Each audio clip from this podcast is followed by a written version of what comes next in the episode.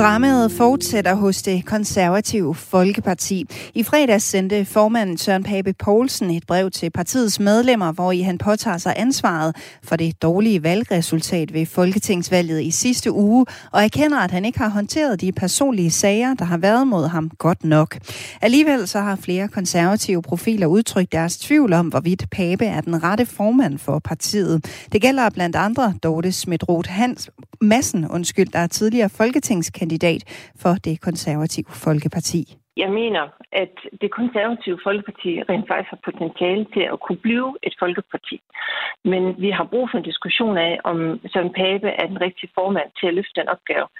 Med ham i spidsen er vi gået øh, fra en tilslutning på 18,8 procent til 5,5. Og derfor mener jeg, at vi har brug for en diskussion om den måde, som man har bygget øh, partiet op på, øh, op omkring hans øh, personlighed og formandskab, om det er det rigtige. Protesterne mod det iranske præstestyre fortsætter i Iran, og nu tager det islamiske regime endnu hårdere midler i brug for at skræmme demonstranterne væk fra gaden. Det skal handle om protesterne i Iran om cirka tre kvarter. Og så blev der slået lotto-rekord i går. Svimlende 2,04 milliarder dollars, eller cirka 15 milliarder kroner, blev nemlig vundet af en unavngiven lottospiller i USA i går. Spiller du lotto, og hvad vil du gøre, hvis du vandt den helt store milliongevinst? Fortæl mig det på sms'en. Skriv en besked. Husk at få dit navn med, og send den afsted til 1424.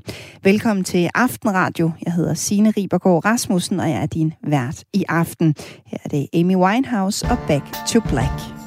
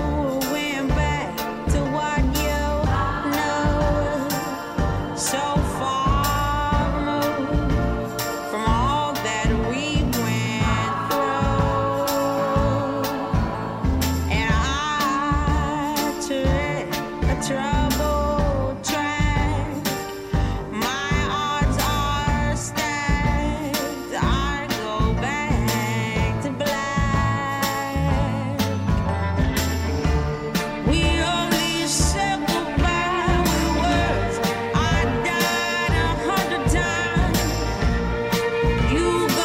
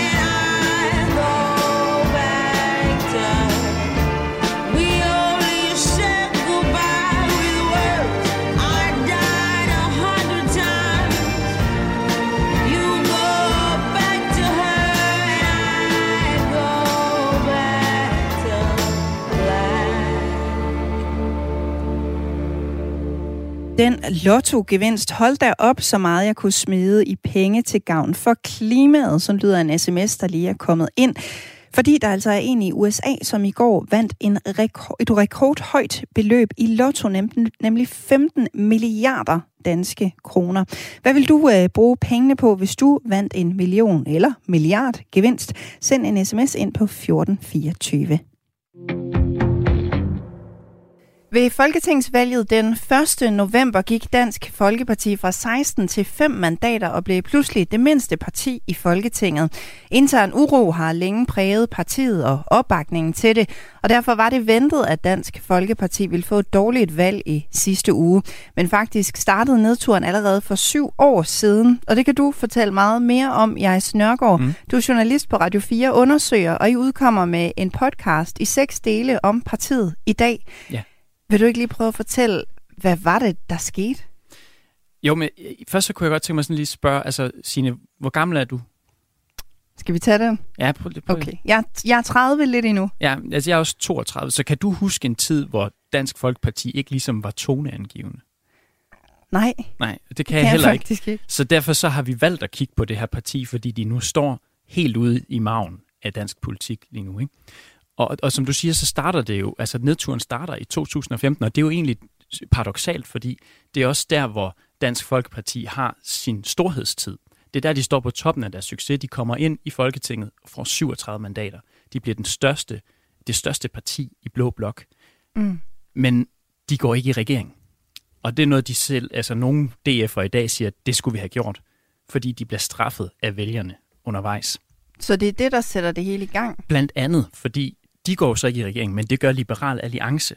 Og Liberal Alliance og Dansk Folkeparti, de har det ikke godt sammen på det her tidspunkt. Så Liberal Alliance får ligesom kastet grus i maskineriet. Altså DF, de er vant til, da det var få, der var statsminister, der var de ligesom nøglen til magten. Ikke? Mm. Men nu sidder Liberal Alliance i vejen i 2015 og fremad. Øhm, og så, øh, så er det så, at, at det er svært at nå, nå ind til lykke for, for DF'erne. Så Christian Tulsendal, han begynder at kigge sig omkring, og så ser han, åh ja, der er Mette Frederiksen herover. Mm. Hende kan vi måske lege lidt med. Så lige pludselig så optræder han på sådan nogle 3F-kongresser sammen med hende. Og det skaber altså forvirring inde i Folketingsgruppen. Og det har jeg for eksempel talt med René Christensen om, der på det tidspunkt er finansordfører i Dansk Folkeparti.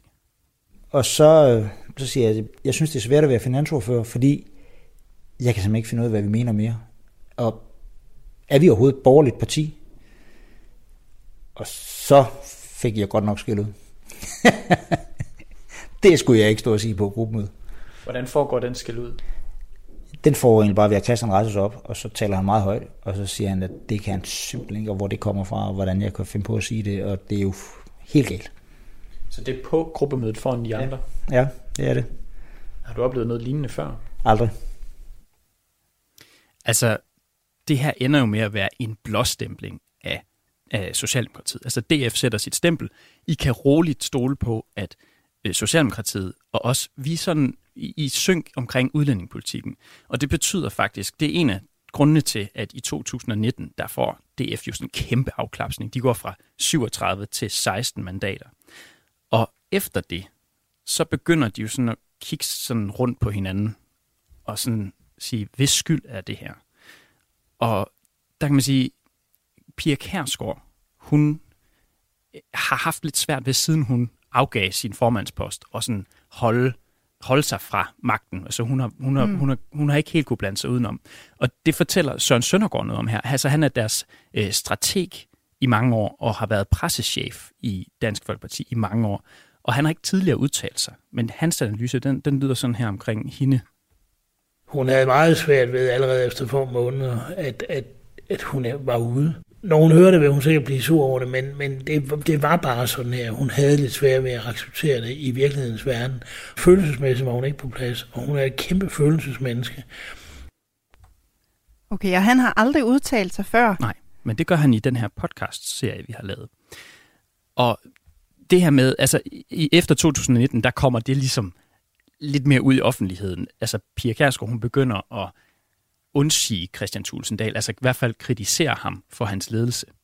Og det betyder også, at og, og, og, samtidig så, øh, så kommer der også de her interne stridigheder. Altså, der kommer lækager fra, fra møderne, og, og det, altså, det er noget af det, vi også kommer, altså, ser, har set de seneste par år, den her sådan, altså, offentlige nedsmeltning. Mm. Øh, og Liselotte Blikst, som er sundhedsordfører, hun kommer også til at sidde i ledelsen, og hun siger, at altså, der, man får simpelthen, man begynder ikke at stole på hinanden længere. Det er da ikke sjovt at se noget, du siger til et lukket møde, stå i avisen dagen efter. Det gjorde jo, at man vogtede hinanden, man mistede tillid til hinanden, man mistænkte hinanden. Øh, så der, der spredte sig hurtigt dårlig stemning, og man vidste ikke, hvad man kunne stole på. Øh, jeg synes heller ikke, det var sjovt at tage til fester mere og undgik social sammenhæng.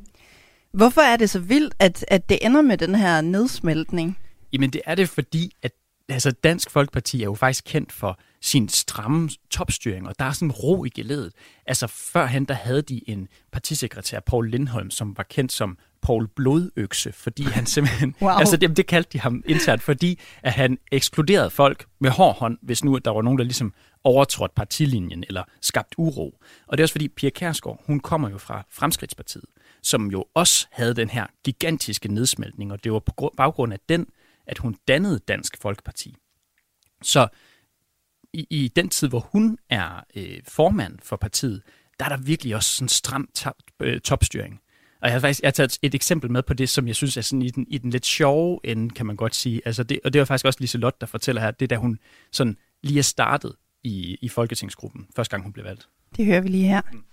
Hun var meget efter mig i, hvordan jeg så ud, og hvordan mit hår sad, eller hvad tøj jeg havde på, og man kom til kammeratlige samtaler og sådan noget, men hun har aldrig været negativ over for mig. Øh, hun har, altså jeg så hende som partiets mor, tror jeg også, hun blev kaldt af, af flere. Så øh, man, man rettede sig efter det, hun sagde. Øh, når hun sagde, jamen altså Lislot, jeg kan ikke lide, at dit hår hænger ned, for det ser så sjusket ud. Jamen altså, satte jeg håret op, eller hvad det nu kan være. Ikke? Hvad var det ved dit tøj, hun ikke kunne lide? Jamen, så var nederdelene for korte, eller sådan nogle ting. Altså, der, der var sådan forskellige ting, og hvad man kunne tillade sig som folketingsmedlem og sådan noget. Så vi blev lidt skolet i, hvordan man så ud herinde. Og, og det synes jeg, altså, der har jeg intet negativt at sige. Altså, jeg kan godt tåle øh, kritik, og hvis øh, jeg så kigger og siger, om det har de måske ret i, så gør jeg det. Øh, der er jeg selv den, der også kalder en skål for en skål. Så jeg ved, der var nogen, der ikke brød sig om det, men jeg, jeg synes, det var helt i orden. Skulle du sådan altså, lave om på dig selv? Nogle ting, men jeg, jeg er også sådan nogle gange, øh, været sådan lidt Rasmus modsat. Altså, der er ikke nogen, der skal komme og fortælle mig, hvad jeg ikke må, eller sådan noget. Altså, jeg kan huske, at jeg gik med en ankelkæde på et tidspunkt, og der fik jeg at vide. Og det kom nok også derfra, at øh, en folketingsmedlem gik altså ikke med en ankelkæde. Så fik jeg tatoveret en på i stedet for. Så. Det er den, du har, det er den, du har der. Står der noget på den? Eller? Ja, der er min øh, børns øh, første forbogstav i, i låsen på, på den ankelkæde, der er tatoveret. Du fik ikke at vide, at du så skulle have sokker på? Nej. okay, trods alt det ikke sokker på. Jeg, jeg bider lidt mærke i, at hun siger her, at det er ikke negativt.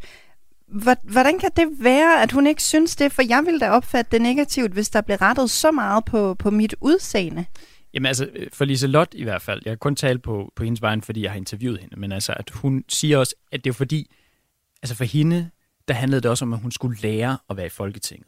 Og der, der var det her simpelthen bare en del af det. Altså hun, for, siger også, altså hun fik også at vide, at du skal tage telefonen, når journalister ringer. Du skal også huske, at for eksempel journaliststuderende, de bliver journalister en dag, så tag dem alvorligt.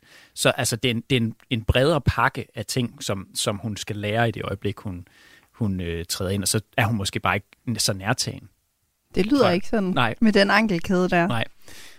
Man kan jo, øh, man kan jo høre meget mere om, øh, om partiet og historien, øh, både storhed og fald, som podcasten jo hedder. Alle seks afsnit ligger øh, i vores øh, Radio 4-app allerede nu, ja. så øh, ind og lyt. Og øh, jeg Snørgaard, tak fordi du var med. Selv tak.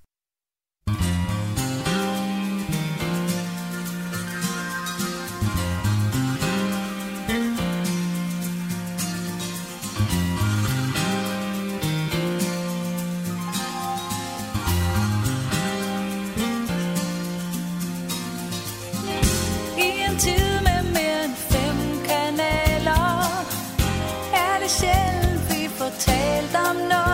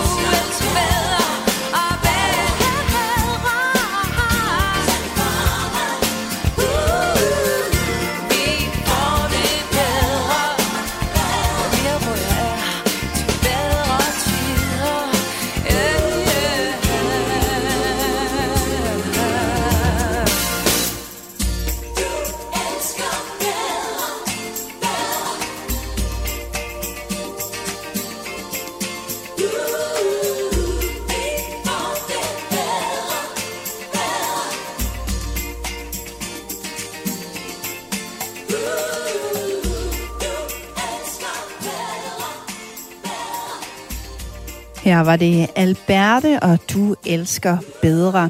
Claus har sendt en sms. Han spørger om øh, DF-serien, altså serien her om Dansk Folkeparti, som jeg talte med min kollega Jais Nørgaard om før, om den også bliver sendt på FM og ikke kun ligger som podcast i appen. Og ja, det gør den, Claus. Første afsnit bliver sendt i morgen, torsdag fra kl. 13.05 og til kl. 14. Og vi fortsætter i dansk politik, for der er uro i konservative efter et valg, som ikke blev helt som partiet og formand Søren Pape Poulsen havde ønsket, eller som det blev spået tilbage i august. Flere profiler har endda været ude og udtrykke deres tvivl om, hvorvidt Pape er den rette formand for partiet.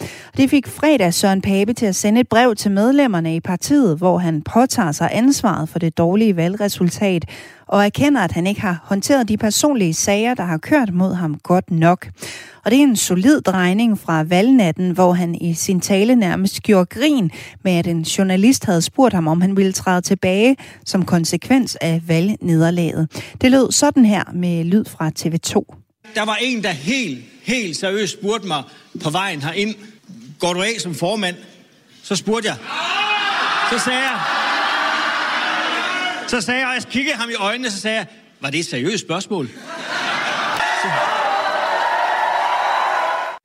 Ja, men brevet her med Pabes store selvindsigt får ikke Dorte Smidroth massen til at ændre mening om sin formand.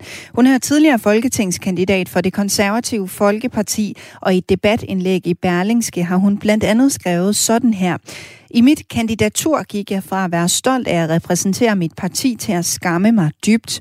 Det er længe siden, vi har været vidne til et kollaps af denne størrelse inden for en partiorganisation.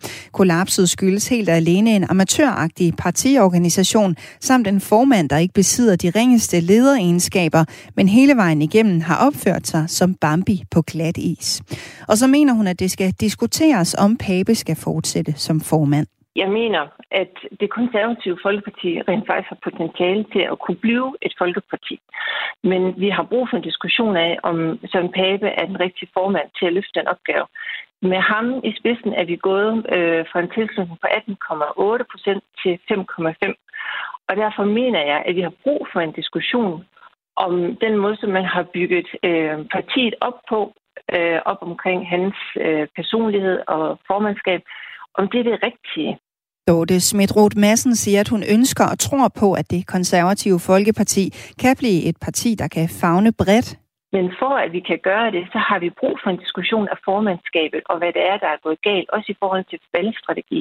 Og den store udfordring lige nu er, at det må vi faktisk ikke internt. Så det er derfor, at vi jo øh, også andre kandidater lige pludselig øh, tager bladet fra munden og så melder ud øh, og har gjort opmærksom på, at der er noget omkring valgstrategien, der har været forfejlet, mm. omkring øh, Papes øh, kandidatur, der også har været forfejlet. Øhm, så og det kan man sige, det kunne måske have været undgået, men når man vælger fra partitoppen på den måde at lukke en debat ned, jamen så på et tidspunkt, så brister bylden bare og kommer ud. Og der er jo rigtig mange vælgere, og der er også rigtig mange medlemmer, som faktisk er kede af den her situation og har været stolte af at være med i den her grønne pølge. Øhm, og når man opnår en tilslutning på 18,8 og så går ned til 5,5, jamen altså så er der da brug for, at man kigger på, jamen hvad pokker er det, der er gået galt?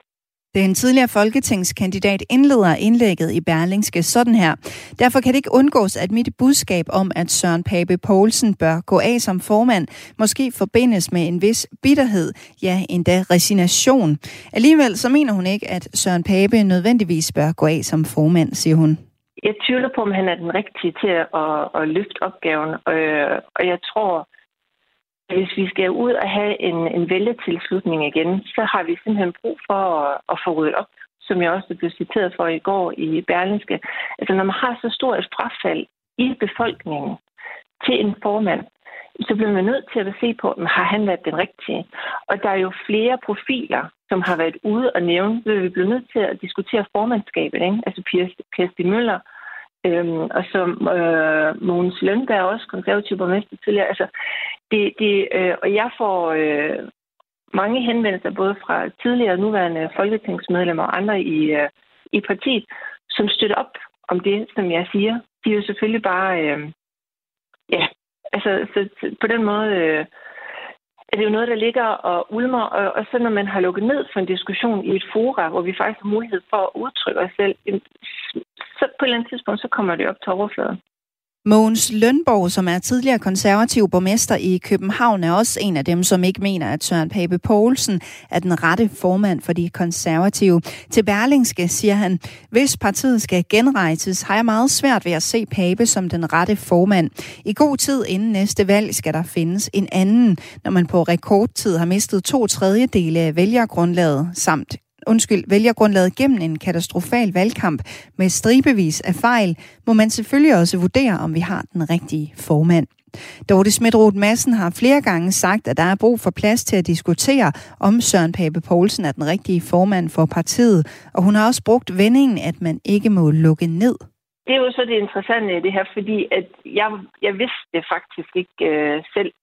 Øh, jeg sendte min debatindlæg afsted i, øh, i lørdags, øh, og så øh, om søndagen, der kommer der øh, en første artikel i Berneske fra en, øh, et medlem, der hedder, hedder Robert Splid, hvor han øh, faktisk i tale sætter det her med, at han øh, er blevet blokeret. Øh, hans indlæg blev blokeret i et debatforum, vi har. Og så efter mit øh, indlæg er kommet ud her i, øh, i mandags, så er der flere øh, medlemmer, der har skrevet til mig, hvor de fortæller, øh, at de er også blokeret, blevet blokeret, og at vi ikke må dele øh, indslag på, på vores fora, og det er jeg så også for eksempel nu. Så det vil sige, at når man skal poste noget i det her lukkede forer, så skal det først gå igennem en administration, øh, altså organisation, og så, skal det, altså, så bliver det godkendt, om det nu også er spiseligt. Og når man ikke kan få lov at diskutere internt, så kommer det til at ske eksternt, siger den tidligere folketingskandidat. Jeg har kendt med i, øh, i filosofi og, og vant til det her med at, at tale om etiske problemstillinger. Øhm, det er sådan, at når man ikke kan få lov til at ytre sin mening, så opstår der en frustration. Og nu har mange medlemmer, øh, afskedelige medlemmer, prøvet at gøre det internt. Så kommer det til at ske eksternt, hvis der bliver lukket ned for det. Det er simpelthen konsekvensen af det. Og brevet, som Søren Pape Poulsen skrev til sine partimedlemmer fredag, har ikke fået Dorte Smidroth massen til at ændre mening om, at Pape muligvis ikke er den rigtige formand. Han belyser jo nogle ting, som vi jo i bund og grund øh, godt øh, ved. Altså, han har jo været igennem nogle personlige udfordringer, som uden tvivl har været rigtig hårdt for ham. Altså, jeg blev selv skilt sidste år, så jeg ved, at det er, det er ikke sjovt. Øhm, men, men det er jo lige så meget et spørgsmål om, hvis vi skal se fremadrettet, er han så den rigtige leder? Har han de rigtige lederegenskaber? Og der har man jo også for partiet, altså valgstrategien har været, vi har jo bygget det op omkring en person, i stedet for nogle reelle mærkesager og spredt ud på flere personer. Øhm, og der kan jeg godt øh, se spørgsmål ved, om han er den rigtige formand nu til at, at løfte partiet fremadrettet. Øh, og det skal vi have en diskussion af. En uges tid inden valget den 22. oktober skrev hun blandt andet sådan her på Facebook. Min formand hedder Søren Pape Poulsen og er statsministerkandidat for det konservative Folkeparti. Jeg er meget stolt både af ham og af at være konservativ. Men sådan har Dorte Smidroth Madsen det altså ikke mere. Jeg er indrettet på den måde, at når vi har sat en valgkamp i, i gang, og det er det, som vi gør, så støtter jeg det til fulde så skal man ikke i løbet af valgkampen begynde at ytre sig i forskellige retninger. Jeg er stolt af at være konservativ. Det vil altid have mit konservative kompas lige der, hvor det skal være. Jeg støtter sådan Pape, men jeg tænker i forhold til, at vi skal ud og være det folkeparti, som vi faktisk har potentiale til, så bliver vi nødt til at diskutere, om han er den rigtige til at løfte opgaven. Den tidligere folketingskandidat er dog ikke klar til at droppe partiet, hvis Søren Pape Poulsen fortsætter som formand. Det er jeg ikke. Altså, jeg har altid stemt konservativ. Øh, og som sagt, altså, jeg kan med i filosofi og kender lidt til politisk filosofi, og kan faktisk skælde meget klart mellem liberalismen og konservatismen. Øh, det, jeg vil altid øh, stemme konservativ øh, og tro på den tilgang, vi har i, hos det konservative, eller i konservatismen, om at man støtter øh, dem, som ikke kan, uden at knække dem, som er stærkest. Om lidt taler jeg med Benny Damsgaard, der er politisk kommentator og tidligere kommunikationschef hos det konservative Folkeparti om situationen i partiet. Men først Rasmus Sebak og Øde Ø.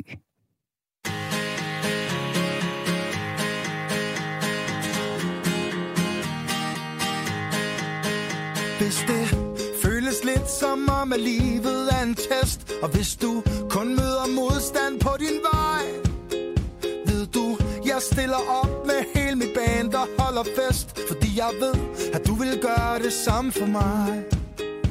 Er du blevet hostlet, har du fået dit hjerte knust? Vil jeg bede tossen pænt om at gå sin vej? Tag dig med ud i byen for at glemme det hele og få en sjus Fordi jeg ved, at du vil gøre det samme for mig. Fordi jeg ved, at du vil gøre det samme for mig. Og hvis vi styrtede ned på en øde ø Hvis vi kun havde hinanden til den dag, vi skulle dø Så vil jeg være lykkelig og ikke engang forsøge. På at tilkalde hjælp eller sejle hjem Jeg vil ikke engang savne dem. Jeg ved, at vi to kan gå igennem ild og vand Og jeg vil elske dig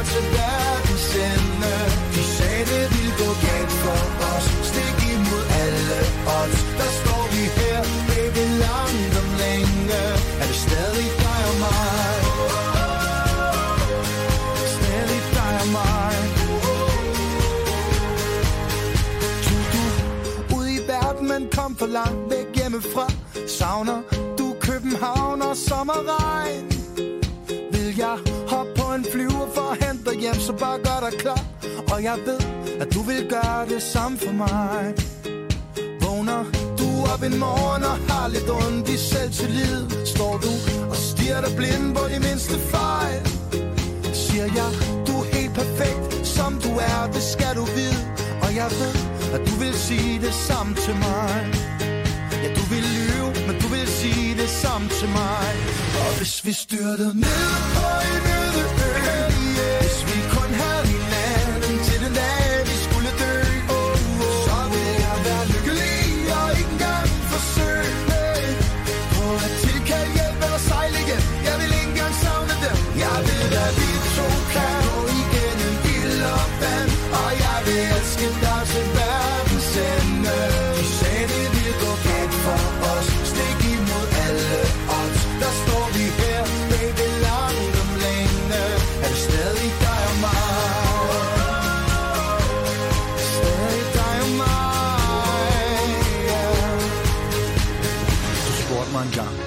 hvis tage tre ting med på en øde ø, hvad vil du så vælge? Jeg har tænkt over det, og hvis jeg skal være helt ærlig, så er jeg fuldstændig ligeglad med de to andre ting. Jeg skal bare have dig med. Jeg ved, at vi to kan gå igennem ild og vand. Og jeg vil elske dig til verdens ende. De sagde, det ville gå galt for os. Stik imod alle odds. Der står vi her, baby, langt om længe Er det stadig dig og mig? Og hvis vi styrtede ned på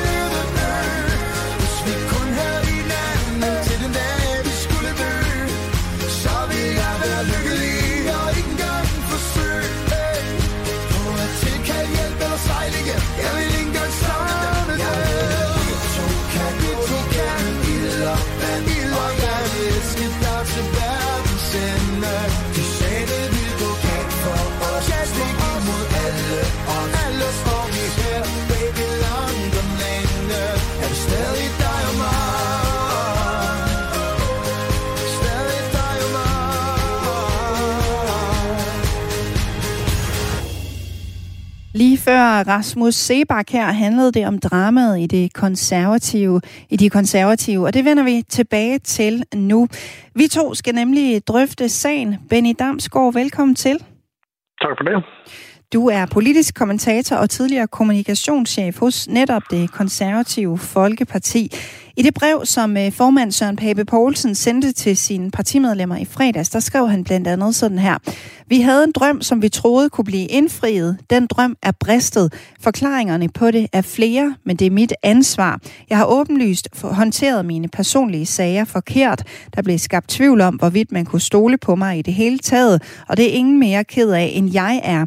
Men jeg fik ikke forklaret sagen hverken grundigt nok eller tidligt nok, og det trak omtalen ud, og derfor har min agering, ageren kostet opbakning til partiet. Benny Damsgaard, hvordan vurderer du de her erkendelser? Jamen, det er jo meget rigtigt. Øh, altså, længere er den jo sig ikke. Han, øh, han rammer jo, øh, han, eller ret sagt, hans analyse er det måske nærmere af, af valgets øh, udfald øh, for det konservative folkeparti, og hvorfor det er gået, som det er gået, er jo meget øh, ja, korrekt inden for skiven. Mere er der i og for sig ikke sige til det. Det er helt rigtigt. Søren Pape Poulsen har jo hele tiden fremstået ret selvsikker og har også nægtet at ville gå af som partiformand. Virker det her brev troværdigt? Ja, altså problemet med brevet er, at det kommer relativt sent. Øh, på den måde, at på selve valgaften var øh, Søren Papes erkendelse af, af situationens øh, alvor og nederlagets omfang jo meget begrænset. Han øh, øh, gjorde næsten sådan lidt grin med, at der var en journalist, der havde øh, tilladt at spørge ham, om han gik af efter, efter valgnederlaget, og, øh, og, og den samme linje fortsatte han i og for sig dagen efter valget i Publicistklubben, som har et som, som samler alle partilederne dagen efter, så, øh, så igen negligerede han valg, valgnederlaget. Jeg tror, han udtalte, at man skal jo ikke piske sig selv med skorpioner for, øh, for to mandater. Og de to udtalelser øh, blev ikke taget godt imod i det konservative bagland, fordi du har haft mange kandidater, mange partier, øh, parti, øh, aktive, som herover mange måneder har arbejdet, nogle af dem næsten i døgndrift, og har brugt mange penge på det. og så har du en, en formand, som, som ikke øh, vil anerkende, at det her valg har været en ordentlig øh, bejmand og en skuffelse for alle sammen. Og, og det... Øh, og det var man meget skuffet over i det konservative bagland. Og, og det er nok også i den sammenhæng, at det her brev, som er, er næsten ydmygt i sin karakter, bliver sendt ud fredag aften til, øh, til, til medlemmerne af partiet som en slags forsøg på at redde situationen lidt tilbage igen. Vi hørte lidt tidligere, at øh, der er altså flere partimedlemmer, som mener, at Søren Pape han bør gå af, eller at man i det mindste bør have en diskussion om, han skal gå af. Kan du sige noget om, hvor stor en del af partiet, der deler den holdning? Altså, øh, der, er en, der er en række af folketingskandidater, øh, række folketingskandidater, som ikke er blevet valgt, øh, som har været meget kritiske her i, i dagen efter valget. Det er i og for sig ikke usædvanligt i efter valg, hvor partier er gået tilbage af folketingskandidater, som ikke nå, opnåede deres drøm, er, er kritiske, også endda meget kritiske. Øh, der har også været kritiske røster fra, øh, sådan fra tidligere tillidsfolk, altså folk, der har haft positioner tidligere, også for, for dele af, af baglandet. Det er svært at sætte procenter på, men man skal i hvert fald lægge mærke til her, at øh, der er ikke centrale kræfter. Altså, det er ikke folk i partiets folketingsgruppe eller i hovedbestyrelse eller forretningsvalg, som har stillet spørgsmålstegn ved, ved Papes øh, lederskab. Øh, det kan være, at det kommer, men det er ikke, sådan er det ikke endnu. Og under det hele skal man også have med i betragtning, at inden det her begyndte at gå meget dårligt, så i tilbage i august måned efter han havde erklæret sit statsministerkandidatur, så var Søren Pape en historisk populær øh, partiformand for det konservative folkeparti. Han var, var meget, meget bredt øh, værdsat og anerkendt. Det er han ikke længere. Han har trukket gevaldigt på kreditten, men, men han er ikke i minus endnu. Hvad kommer det her så til at betyde for partiet og Søren Pape? Altså er de så langt ude, at det kunne komme til at ligne sådan en intern nedsmeltning eller Dansk Folkeparti? Det, det vil de næste måneder øh, vise. Altså, øh, hvis målingerne fortsætter nedad her efter valget, øh, og det kan de meget nemt gøre, fordi der har været meget øh, negativ fokus her i dagen lige umiddelbart efter valget. Men altså, hvis målingerne fortsætter nedad, og, og, og man ikke troværdigt kan, kan kommunikere til baglandet for ledelsens side, at man nu har evalueret valgkampen objektivt, savligt, taget, taget læring af den og har lagt en, en strategi for at, at komme videre, jamen, så kan der godt i løbet af foråret øh, danne sig en... Øh, så kan tingene godt begynde at boble for alvor, fordi så kan man sige, at valgnederlaget ude, og adrenalinen for, for dagene her er, er lidt ude af systemet, og så begynder omtanken og eftertanken at vise om, om og så begynder der en diskussion om, og man nu også kan gå til valg på Søren Pape ved, ved næste folketingsvalg. Der er vi ikke øh, endnu. Øh, det, man skal lægge mærke til, når man kigger på sådan nogle situationer, det er, hvornår de de store drenge i klassen, kan man sige, begynder at røre på sig, når folketingsgruppen, når der kommer eventuelt anonyme citater fra folketingsgruppen, anonyme citater fra, fra forretningsvalg og hovedbestyrelse, så begynder sagen for alvor undskyld, at, at blive alvorlig og, og også farlig for, øh, for formanden. Og hvis det sker alt, kan det så ende med, at Søren Pape Poulsen han bliver nødt til at gå af? Jamen, den mulighed eksisterer der. Det gør den. Altså, Søren Pape har snart siddet i... Undskyld. Du er ikke den første journalist, jeg har talt med i dag, skal sige. Det kunne jeg forestille mig. Beklager. beklager. Intet men, problem. Men, øh, men Søren Pape har snart siddet i, øh, i, i 10 år som, øh, som leder af det konservative fordi Han blev valgt tilbage i 2014. Og, øh, og det er lidt sådan en, en magisk grænse for partiformænd, øh, hvor, hvor de ofte er, er slidt op af både, kan man sige, at det hårde arbejde, og det er ekstremt hårdt arbejde at være partiformand, men også fordi vælgerne trænger til at se et nyt ansigt. Så, så det alene er, er noget, der, der, der sætter en udløbsdato på det. Men altså, ja, det kan godt være, at vi om et halvt års tid har en ny formand for det konservative folkeparti, men i den sammenhæng skal, ses, øh, skal siges, at diskussionen omkring arvefølgen i det konservative folkeparti har været stort set ikke eksisterende øh, helt indtil ja, nu næsten, fordi at Øh, fordi øh, i august, da Søren Pape var statsministerkandidat, og da det gik godt, jamen så var den diskussion ikke aktuel. Så, så gik man til valg med ham, og, og det var meningen, at han skulle være øh, der mange år, og det kan så også være, at han skal være. Men der var ikke en diskussion i Folketingsgruppen om, hvem der, der var nummer to, og, og hvem der var kronprins, fordi det var ikke et aktuelt spørgsmål. Øh, og øh, derfor er der også det, det forhold inden nu, at der er ikke en naturlig aftager. Der er ikke en, der står og banker på i kulissen og er utålmodig. Øh, så, så det tager i sig selv også presset af øh, Søren Pape, fordi der er ikke nogen, som lige står på spring til at, overtage posten. Men alt kan ske i politik, så, så hvem ved? Og lige her til sidst, øh, Benny Damsgaard, så skal din stemme få, få ro fra mig. tak. Hvordan kan partiet forsøge at komme tilbage på rette spor nu?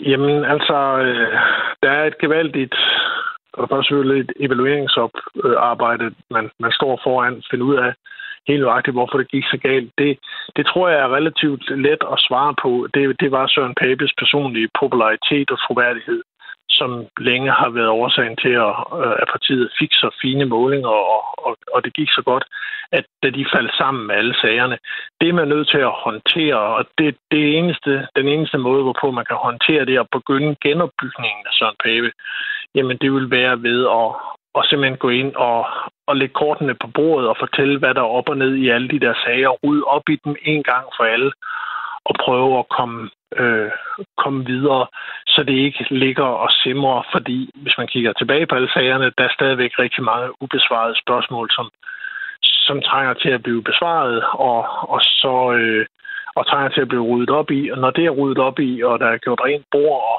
og så er der en mulighed for at kan begynde at kommunikere politik igen, og forhåbentlig også få genopbygget øh, medlemmernes tillid. Men men det er ikke en let opgave. Men altså, hvis jeg må en ekstra lille kommentar til sidst, og så skal jeg også øh, slippe dig. Det er, altså, det er jo ikke umuligt på den måde at se på Lars Løkke Rasmussen som et eksempel. Øh, da Tragi-sagen kørte for ham tilbage i 2013 var det, der gik Venstre fra at ligge i over øh, 30 procent i målingerne til til 14-15 stykker. De blev halveret. Alligevel lykkedes det øh, lykke at, at kæmpe sig tilbage og, og, og få et, et rimeligt valg i 2015. Fik 20 procent og blev trods alt statsminister, og i, i 2019 gik det langt bedre. Så altså, han havde masser af sager med underbukser og alt muligt andet og fadøl, men det lykkedes ham at, at komme tilbage en flere omgang. Så det kan lade sig gøre, men det er ikke let. Og sådan lød det altså fra øh, Benny Damsgaard, politisk kommentator og tidligere kommunikationschef hos det konservative Folkeparti. Start dagen med Radio 4 morgen. Klokken er 14 minutter i syv. Du lytter til Radio 4 morgen. Vi stiller dagens vigtigste spørgsmål. Pia Kærsgaard, hvem skal tage tørklædet af en, øh, en pige på 11 år, der møder op med tørklædet på i folkeskolen? Og giver dig svar på dine. Vi har lagt det ud til jer, der lytter med. 1424 er nummeret, hvis du vil blande dig i debatten her i Radio 4 morgen. Tak for post. Alle hverdage fra 6 til 9. Radio 4 taler med Danmark.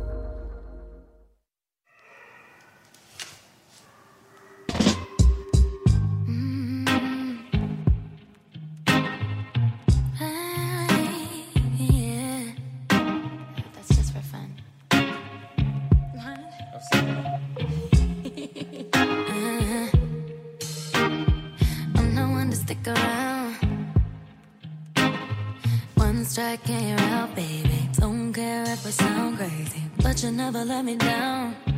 No, no, that's why when the sun's up, I'm staying. Still laying in your bed saying, ooh, ooh, ooh, ooh.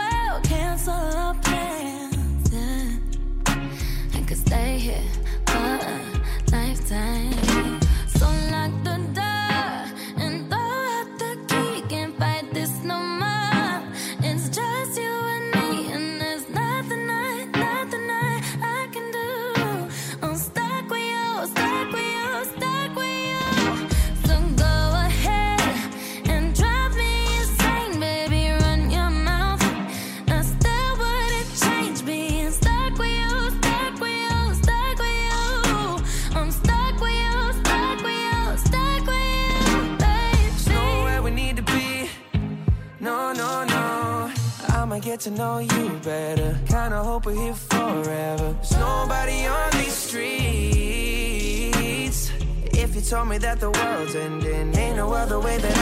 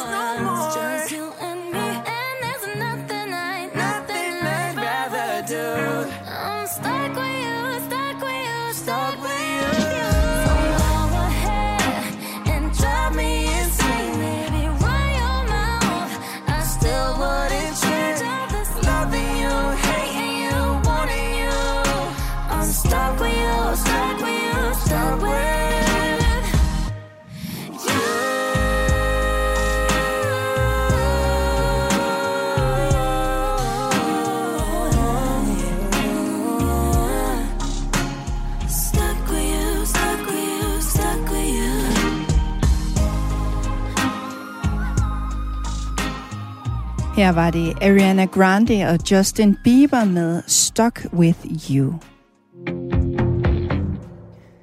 Protesterne mod det iranske præstestyre fortsætter i Iran, og nu tager det islamiske regime endnu hårdere midler i brug for at skræmme demonstranterne væk fra gaden. Demonstranter kan nu blive tiltalt for at føre krig mod Gud, fordi de trodser regimet, og hvis man bliver dømt for det, så kan det i værste fald føre til dødsstraf.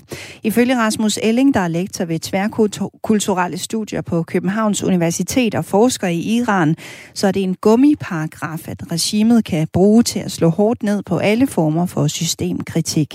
Det er alvorligt, fordi at det er en paragraf, som kan føre til dødsstraf og er blevet brugt før til at, øh, at henrette folk øh, på baggrund af. Og brugen af paragrafen er et forsøg på at få oprøret slået ned, vurderer han. Det er tydeligt, at man prøver at, at bruge, øh, bruge denne her paragraf og beskyldning og, og hele retorikken omkring det til at indgyde skræk i befolkningen og for at, og, og ligesom at få dem til at holde, holde sig væk fra kæderne og holde sig væk fra protesterne. Øh, så er det så et åbent spørgsmål, om det virker. Øh, regimet har allerede brugt en lang række hårdhændede øh, metoder til at prøve at, at få folk til at holde sig væk fra protesterne, og øh, indtil videre øh, er det ikke lykkedes dem. Farshad Kolgi er dansk iraner og skuespiller og foredragsholder. Han flygtede fra Iran som 13-årig og følger nøje med i situationen i landet nu. Og han tror ikke, at en paragraf, der kalder oprøret for en krig mod Gud, kan skræmme folket fra at gå på gaden. Vi, vi er forbi the point of no return i Iran. Og jeg vil, ja, for det første er jeg utrolig taknemmelig for, at I dækker det, øh, det der sker i Iran. Virkelig, virkelig taknemmelig, for det, det er altså meget, meget sparsomt, hvad man kan se i TV2 Nyheder eller Danmarks Radios øh, TV-avis. Så, så først og fremmest et kæmpe stort tak til jer. Og for det andet vil jeg gerne bede jer om noget, som iranerne i Iran også siger, at lade være med at tage, omtale det her som protester det er en decideret revolution, siger de unge i Iran. For det har nemlig spredt sig til hele, hele Iran. Det er indtil videre kommet frem, at det iranske præstestyre har tiltalt en kurdisk-iransk rapper for at føre krig mod Gud, og han risikerer dødsstraf. Det samme gælder for en demonstrant, der har sat ild til en skraldespand. I alt har 227 medlemmer af det iranske parlament opfordret til, at alle demonstranter bliver tiltalt efter paragrafen, og derfor understreger Farshad Kolgi altså, at det her er en revolution og ikke bare protester. Alene i Teheran-provinsen er omkring 1000 blevet tiltalt for at have været involveret i protesterne, skriver CNN. Jeg tror, det er utrolig vigtigt for de unge mennesker i Iran, og vi taler om virkelig, virkelig mange, mange mennesker i selve Iran, at de selv kalder det for revolution. Det er ikke noget, jeg selv finder på, fordi det er en kæmpe stor bevægelse. Det er noget andet, fordi når, når man taler om protester, så ser man om 30-40 mennesker her, og der de, de render rundt med, med plakater og skilte. Det her er en gigabevægelse i Iran. Den største siden øh, 79. Øh, og af respekt for det, de har gang i. De, de går om både mænd og kvinder. De står sammen. Det er ikke kun, kun kvinderne. Mænd og kvinder står sammen og, og råber det samme slogans. Og deres mål er at vælte det islamiske regime. Det går ikke ind for reformer eller, eller kosmetiske øh, øh, indgreb hister her. De vil nu øh, vælte regimet, og det, det er så utrolig vigtigt. Det er derfor, man skal følge med i, hvad der foregår i Iran minutiøst og, og lytte til de slogans, der bliver, øh, der bliver råbt i Iran. Øh, skide hul i, hvad vi andre siger uden for Iran. Det vigtigste det er at fokusere på det, befolkningen råber i selve Iran. Jeg har aldrig nogensinde set så, så et øh, modigt folk. Aldrig. Altså, jeg har aldrig nogensinde oplevet det her.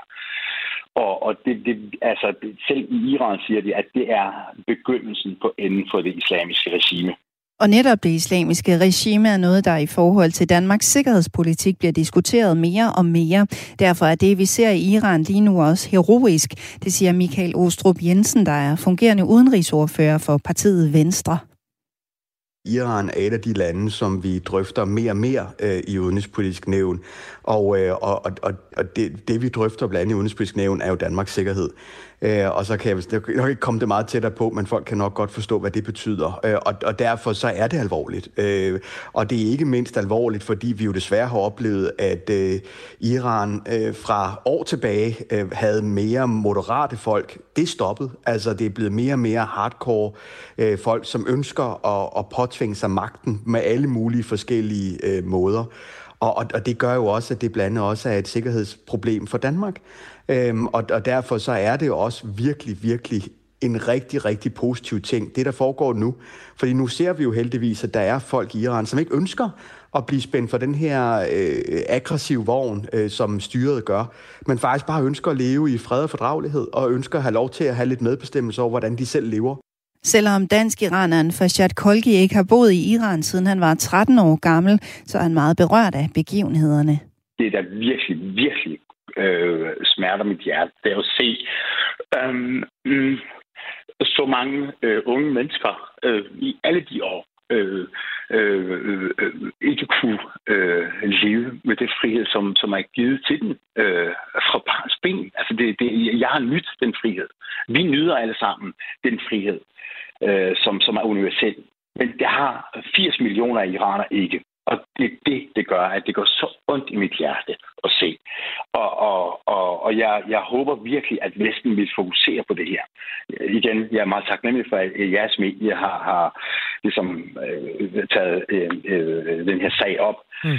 Men jeg kan ikke lade være med at tænke på øh, politikerne, danske politikere. Øh, jeg håber virkelig, de vil... Altså, det er, det er, det er over 300 mennesker, der er blevet dræbt. Det er øh, 14.000 mennesker, der er blevet øh, arresteret lige nu. Og de risikerer dødsstraf, som I nævnte i starten. Og den iranske ambassadør er ikke engang blevet indkaldt øh, til regeringen. Altså, jeg, jeg, jeg forstår det simpelthen ikke. Iranernes håb i selve Iran, det de siger, det er, cut alt forbindelse med regimet. Luk deres ambassader og smid deres ambassadører hjem til, til, til Iran, indtil Iran bliver frit. Pres dem fra alle sider. Så jeg håber, at jeg er meget taknemmelig for de fine øh, gode øh, øh, øh, øh, støtteerklæringer, politikerne kommer med, men det er altså ikke nok hvis erklæringer ikke bliver fuldt op med handlinger, så er det fuldstændig ligegyldigt. Michael Åstrup Jensen tror ikke, der kommer noget godt ud af at smide iranske diplomater ud af landet, men han medgiver, at det er forkert, at Danmark endnu ikke har startet dialogen med iranske diplomater i Danmark, og at der bør indføres sanktioner mod præstestyret. Det siger han til os på Radio 4. Nu er det blevet tid til nyheder med Henrik Møring. Klokken er 20.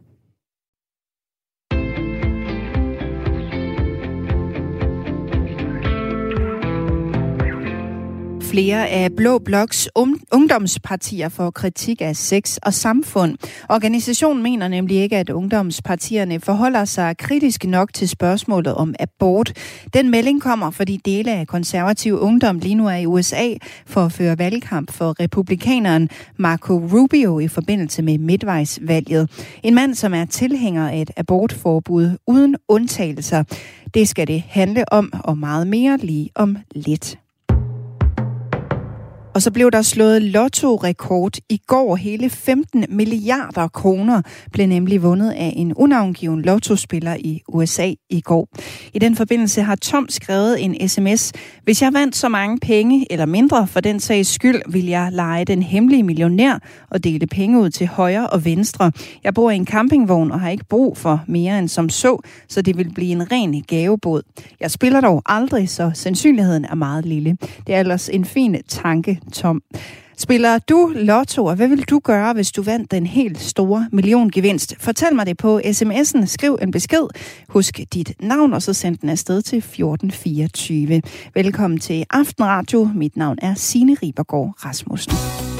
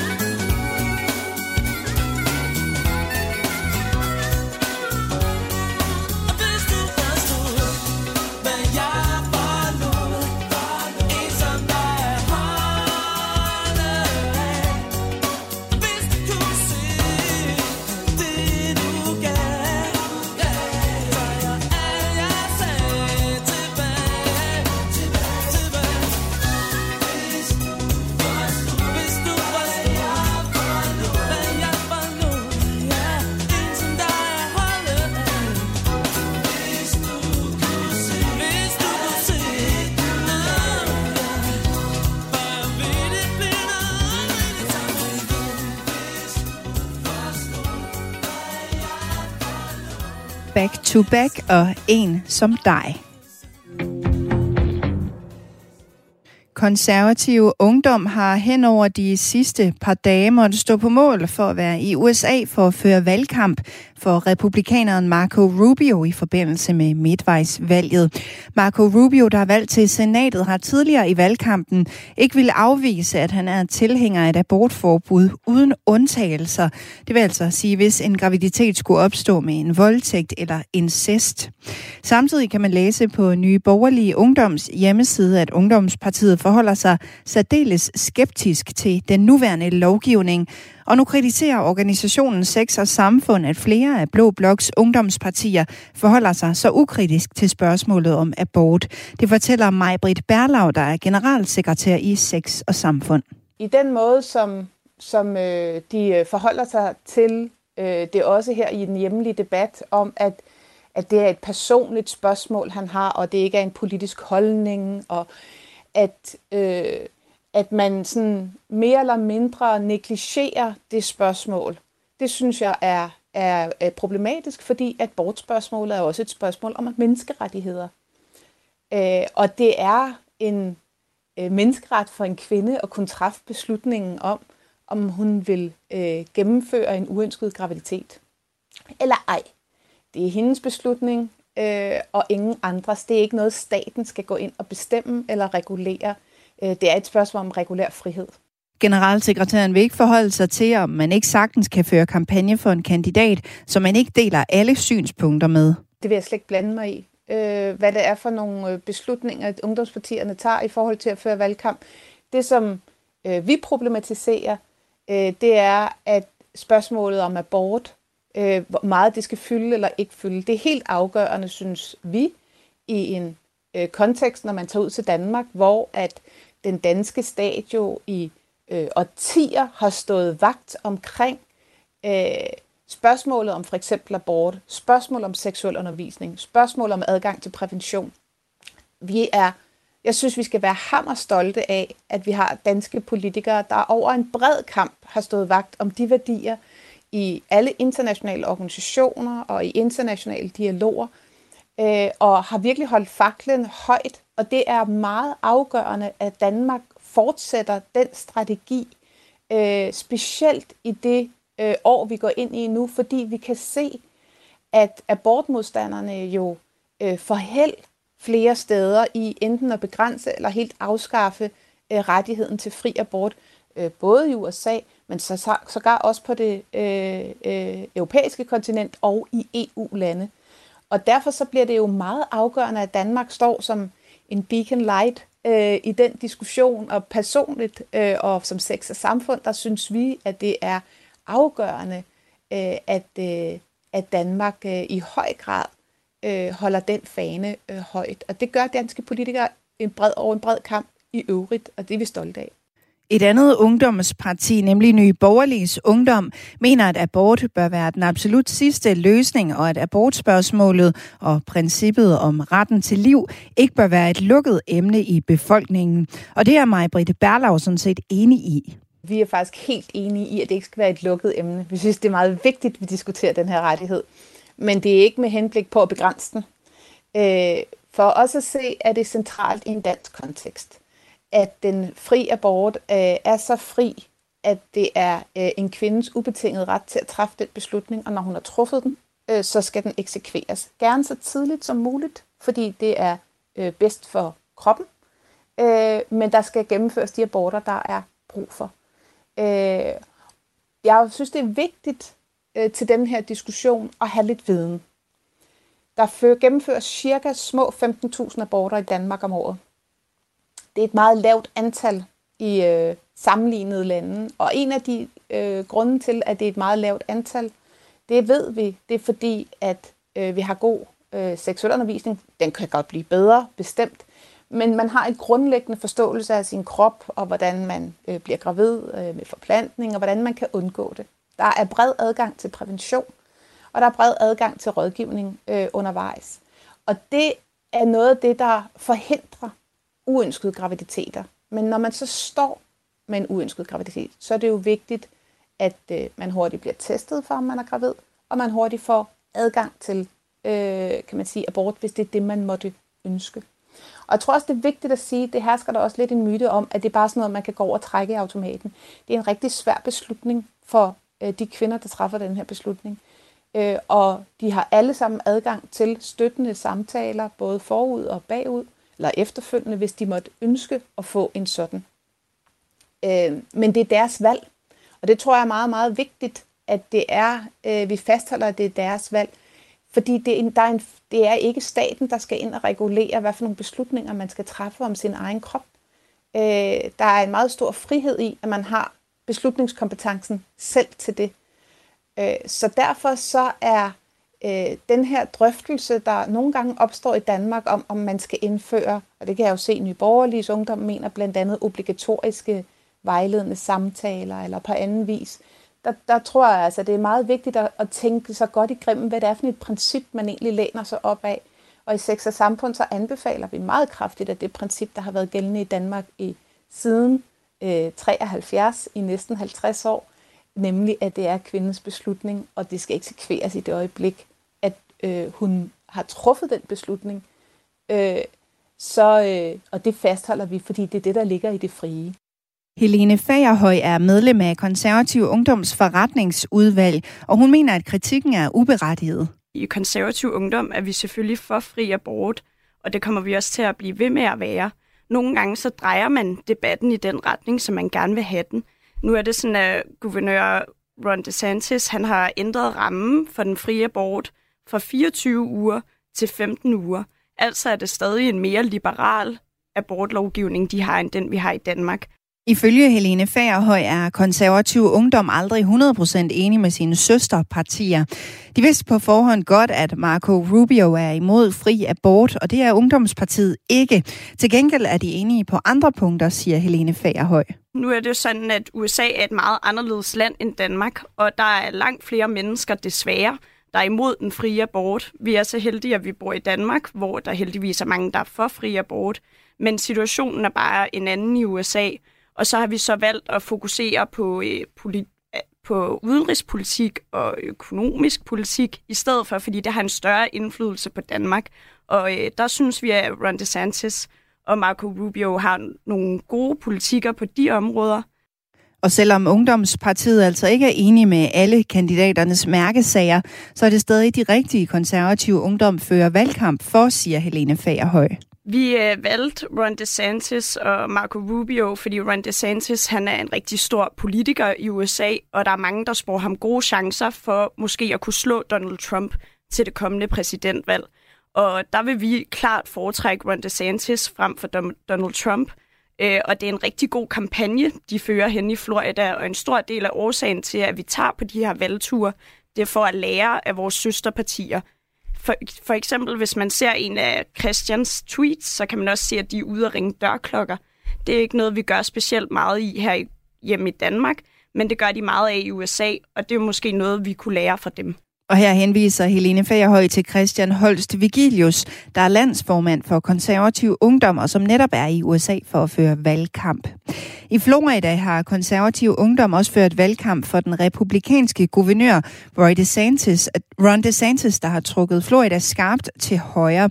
Ron DeSantis har tidligere i år vedtaget den mest omdiskuterede lov i USA i 2022, Don't Say Gay-loven, der forbyder undervisning og diskussioner om seksuelle orienteringer fra 0. til 3. klasse, også for større klasser, hvis undervisningen findes upassende. Vi er også modstander af det, som hedder critical race thinking. Nu øh, det er meget kritiske stemmer, der kalder den det, som du nævner. Øh, vi har også set lidt af det i Danmark med for eksempel normstormerne, og vi er meget imod øh, den her woke-bevægelse, som vi ser lidt af i Danmark, men den er markant større i USA. Øh, så der støtter vi til dels, fordi vi mener ikke, at 3. klasse børn skal lære om alle mulige mærkelige begreber. Selvom konservative ungdom ikke er enige med de amerikanske kandidater i alting, så vil de stadig gerne hjælpe dem med at få et bedre valg, siger Helene Fagerhøj. Hvis vi skal lære ordentligt fra de kampagner, vi er med i i udlandet, så bliver man også nødt til at være en aktiv del af det. Det nytter ikke, at man bare sætter sig hen i hjørnet og kigger på. Man lærer bedst af at være med. Øh, og så synes jeg også, at vi skal tænke på, at nogle gange så bliver debatten virkelig fordrejet. Øh, jeg synes ikke, at så vidt jeg kan forstå på Christian og de andre, så er det jo ikke primært abort, de har snakket om, imens de har været henne og føre valgkamp. Så har det været ting som inflationen eksempelvis, hvor vi mener, at de her to kandidater har en rigtig god politik.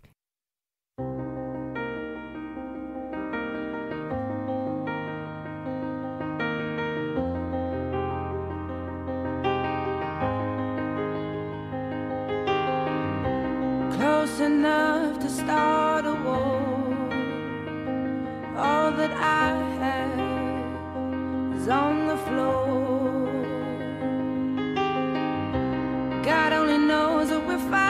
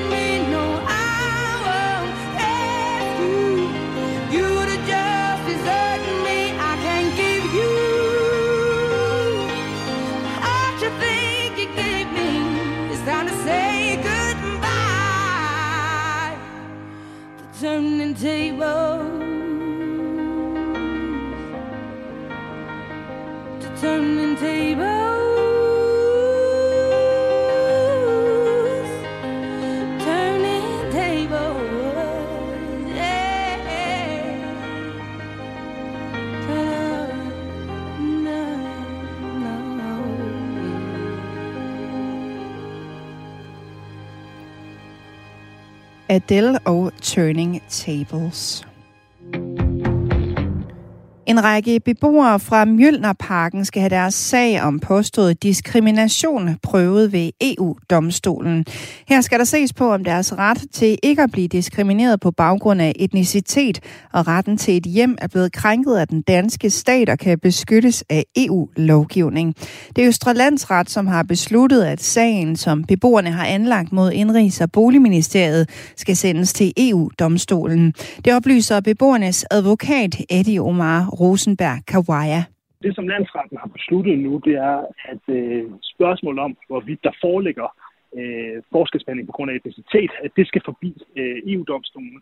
i den forstand, at EU-domstolen skal klargøre, om det kriterie, man anvender i ghetto-lovgivningen, som vedrører ikke etnicitet direkte, men øh, spørgsmålet om indvandrere og efterkommere fra ikke-vestlige lande, hvorvidt det er omfattet den antidiskriminationslovgivning, der findes i, øh, i EU-retten, og dermed også danskere. Beboerne har dog et øh, langstrakt forløb i vente. Advokaten venter først en afgørelse fra EU-domstolen i 2024. Herefter skal sagen så tilbage til den danske domstol. Sagen bunder i, at beboerne mener, at udviklingsplanen i ghettoloven fra 2018 diskriminerer dem på baggrund af deres etnicitet. Resultatet af planen er, at flere beboere skal flytte. Mjølnerparken blev udnævnt til en hård ghetto. Nu bliver det kaldt omdannelsesområde, som følge af ghettopakken fra 2018. Det afgørende for at falde under den kategori er, hvor stor en andel af beboere, der har ikke-vestlig baggrund.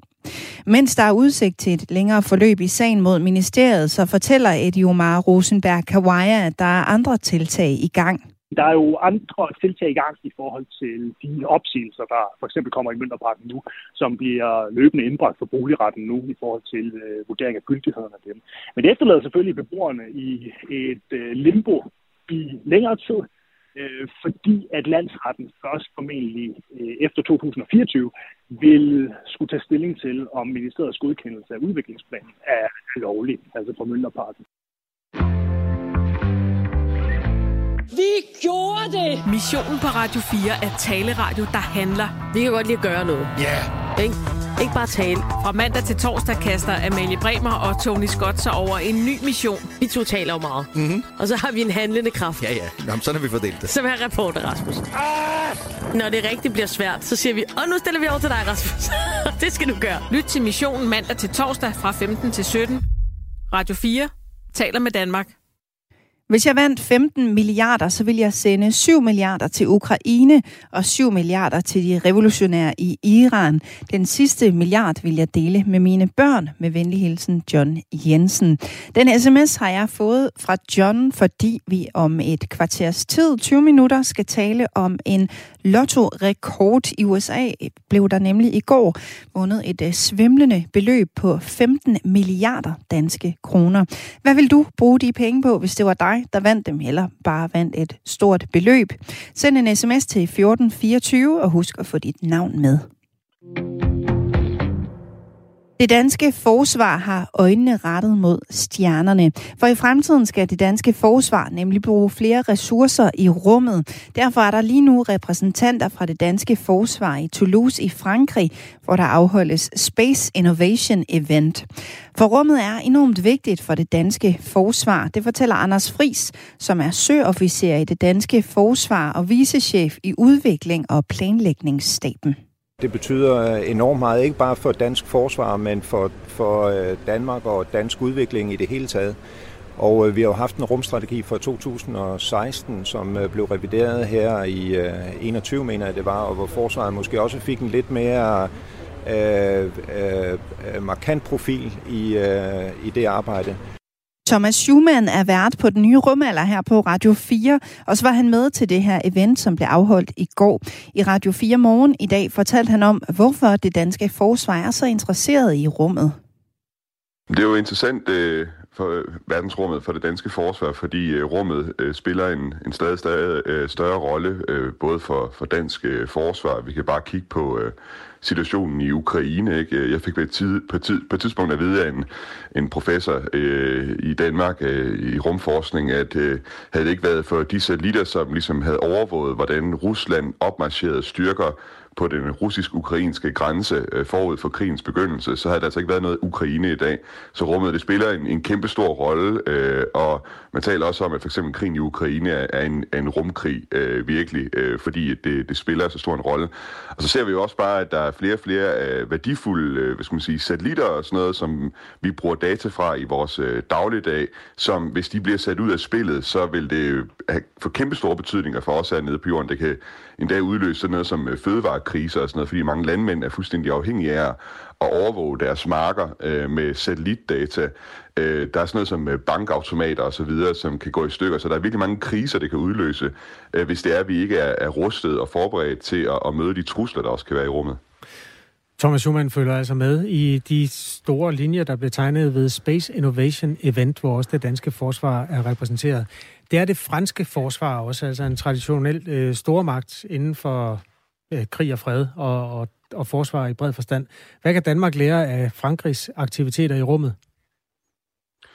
Jamen, øh, som, altså, Frankrig er jo et større land end Danmark, øh, og på den måde så har de jo øh, flere aktiviteter i gang, sådan helt øh, kvæg deres øh, natur. Og så har de jo bare længe i Frankrig haft et, øh, et større fokus øh, på rummet. Det, øh, Frankrig er sådan en, en rumfartnation nummer et øh, i Europa. Så det handler jo selvfølgelig om at, at finde ud af, øh, hvor er det franskmændene har, har investeret i forhold til satellitteknologi, i forhold til øh, stationer nede på, på jorden, som kan, kan tale med, med satellitterne også. Og øh, så har Frankrig øh, noget, som vi ikke har i Danmark. De har et øh, Space Command, øh, lidt ligesom øh, man i USA har et øh, Space Force. Og øh, det er altså ikke noget, vi har i, i Danmark øh, endnu, i hvert fald. Så der er måske også nogle, nogle ting, der kunne, der kunne inspirere til strukturer internt i, i forsvaret. Man kan sige, udfordringen med rummet øh, er jo nogle gange, at det bliver øh, lagt i øh, hvad skal man sige, under ministerier eller andet, hvor det er, at det måske har svært ved at høre hjemme, fordi rummet det dækker så mange forskellige ting. Så strukturen om, hvordan man organiserer det, når det både er sådan noget inden for erhverv, men også inden for, øh, hvad skal man sige, overvåge militære aktiviteter og så videre, og for så vidt også øh, forskning. Øh, der er nogle udfordringer i, øh, hvordan, man, hvordan man strukturerer øh, rumaktiviteter der. Øh, Thomas Schumann øh, har også talt med repræsentanter for det danske forsvar, der deltager ved øh, Space Innovation Event.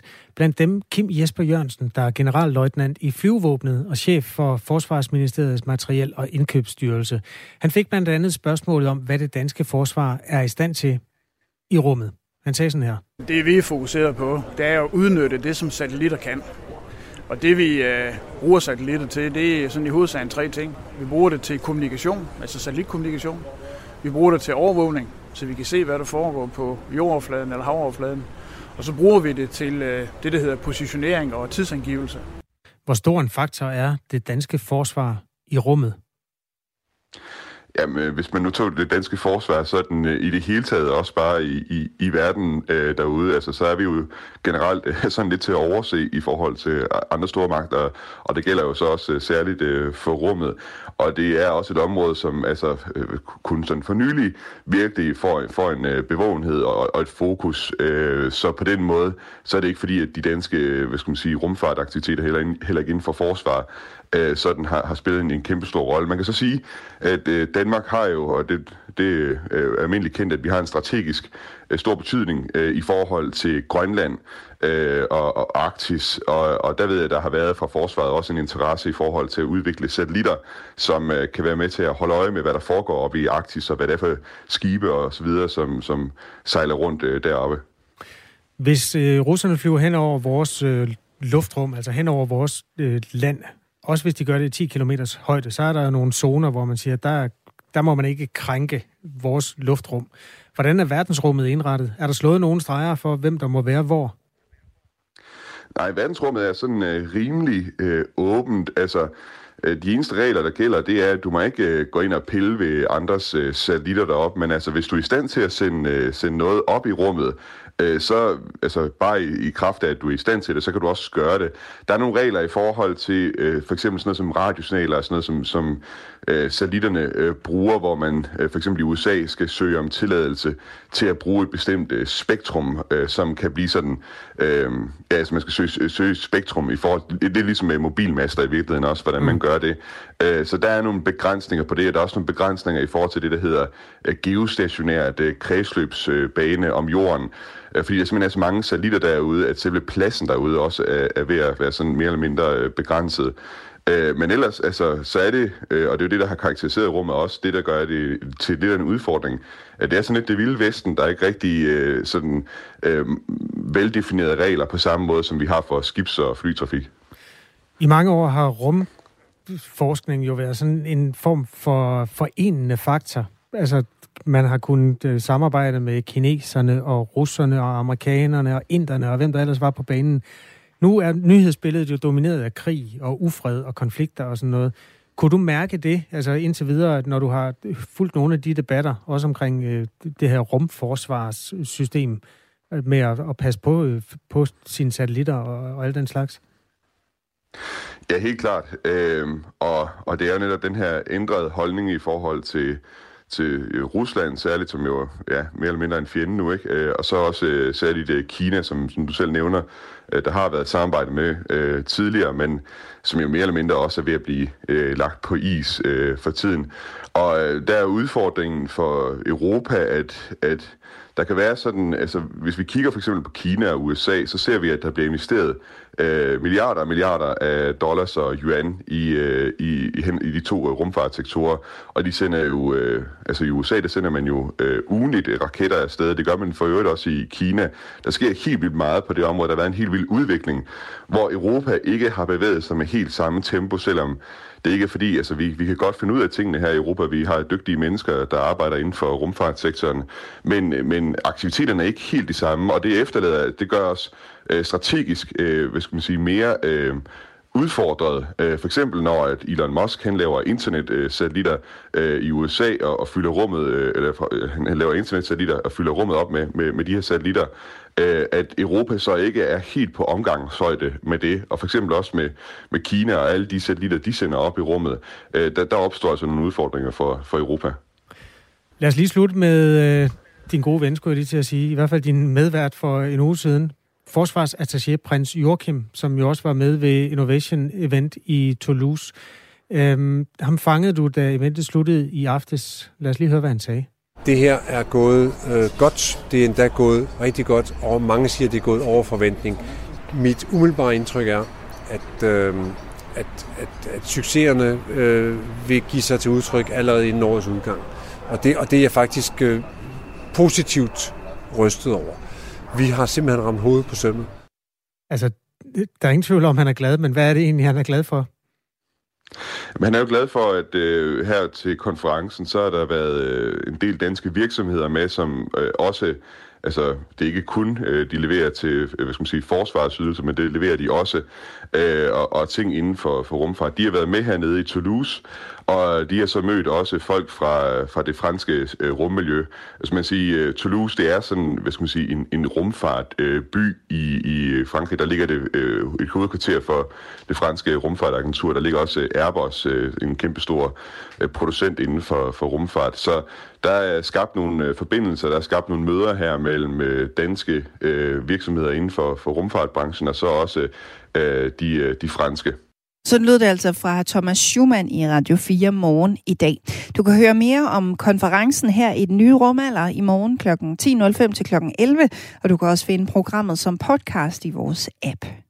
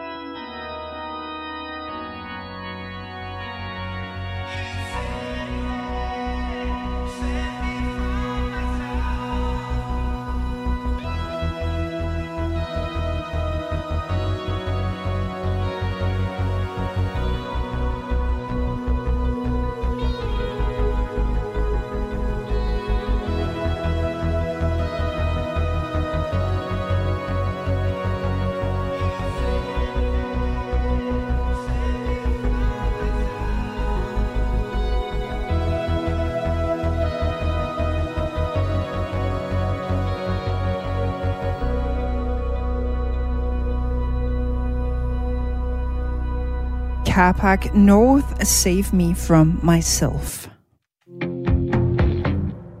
Det er en skidt udvikling, at hver tredje nyansatte lærer ikke har en læreruddannelse bag sig. Det siger formand for forældreorganisationen Skole og Samfund, Rasmus Edelberg. Vi synes jo, at øh, det er skræmmende øh, udvikling, vi er vidne til. Tidligere så hørte jeg om sådan nogle øh, øh, niveauer for ikke øh, uddannede øh, undervisere i en skole, eller for et år siden også i en, en hel kommune. Øh, nu er det på nationalt niveau. En analyse fra Danmarks Lærerforening og Arbejderbevægelsens Erhvervsråd viser ifølge politikken, at 35,6 procent af de nyansatte lærere i skoleåret 2020-21 ikke havde en læreruddannelse. Og Rasmus Edelberg mener, at ikke uddannede undervisere og mange vikarer er med til at stresse børnene og give mistrivsel. Det, der virkelig betyder noget, det er dygtige lærere i klassen. Øh, Det betyder enormt meget for den måde, de arbejder med børnene, har et pædagogisk, pædagogisk forståelse og, og samarbejde med forældrene og relationsdannelsen. Det med, at børnene har det godt og trygt, når de er øh, og bliver opslugt af stoffet, øh, mens de er i klassen, og der er ro på. Øh, forældrene peger på, at det største problem for, at deres børn mistrives, og det er der altså 25 procent ifølge vores undersøgelse, der, der lige nu har, øh, det er, at der er alt for meget uro, så børnene øh, bliver stresset af det. Øhm, og det, der virkelig betyder noget, det er, at der er dygtige lærere og pædagoger i klassen. Tallene i analysen er baseret på nyansatte lærere og medtager også vikarer, der har haft en måned med mindst 80 betalte timer i det undersøgte skoleår. Hvis man ser på det samlede billede, så er 18 procent af underviserne i folkeskolen ikke læreruddannede. Andelen har ifølge Danmarks Lærerforening været stødt stigende siden 2012, hvor kun 10 procent af lærerne ikke var uddannede. Og alle fremskrivninger frem mod 2030 viser, at andelen af ikke uddannede undervisere stiger. Det forklarer forskningschef Andreas Rasch Christensen fra VIA University College. En kombination af flere øh, forhold. Der er for få, der søger ind på læreruddannelsen, og af dem, der bliver færdiguddannet, der kan vi se, at der er for få, der søger hen imod folkeskolen. Af dem, som så søger hen imod folkeskolen, der er der op imod hver sjette, der forlader den ret hurtigt igen. Så det er altså en kombination af rigtig mange forskellige ting, og det gør jo også, at øh, man generelt set øh, er presset, og vi kan se på fremskrivningerne, at det bare bliver værre, værre og værre.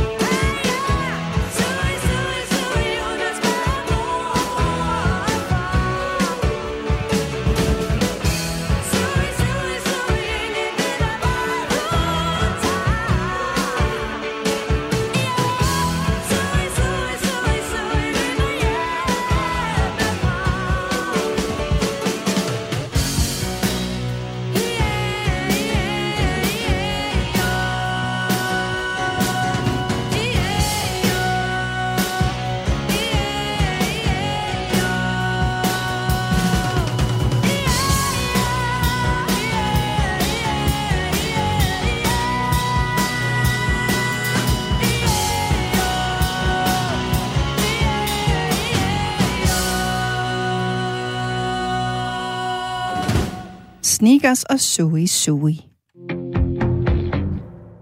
Hvis jeg vandt så mange penge, ville jeg købe de vildeste exoskeletter til min handicappede far og jeg, så vi kunne tage ud og opleve ellers ufremkommelig natur sammen.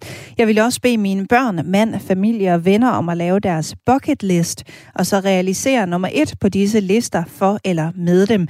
Jeg vil nok også arbejde noget mindre, tænker jeg, efter en arbejdsdag fra 7.30 til 19.30. Venlig hilsen, Malene. Tina har også skrevet 15 milliarder og lykke efter 10 år som hjemløs.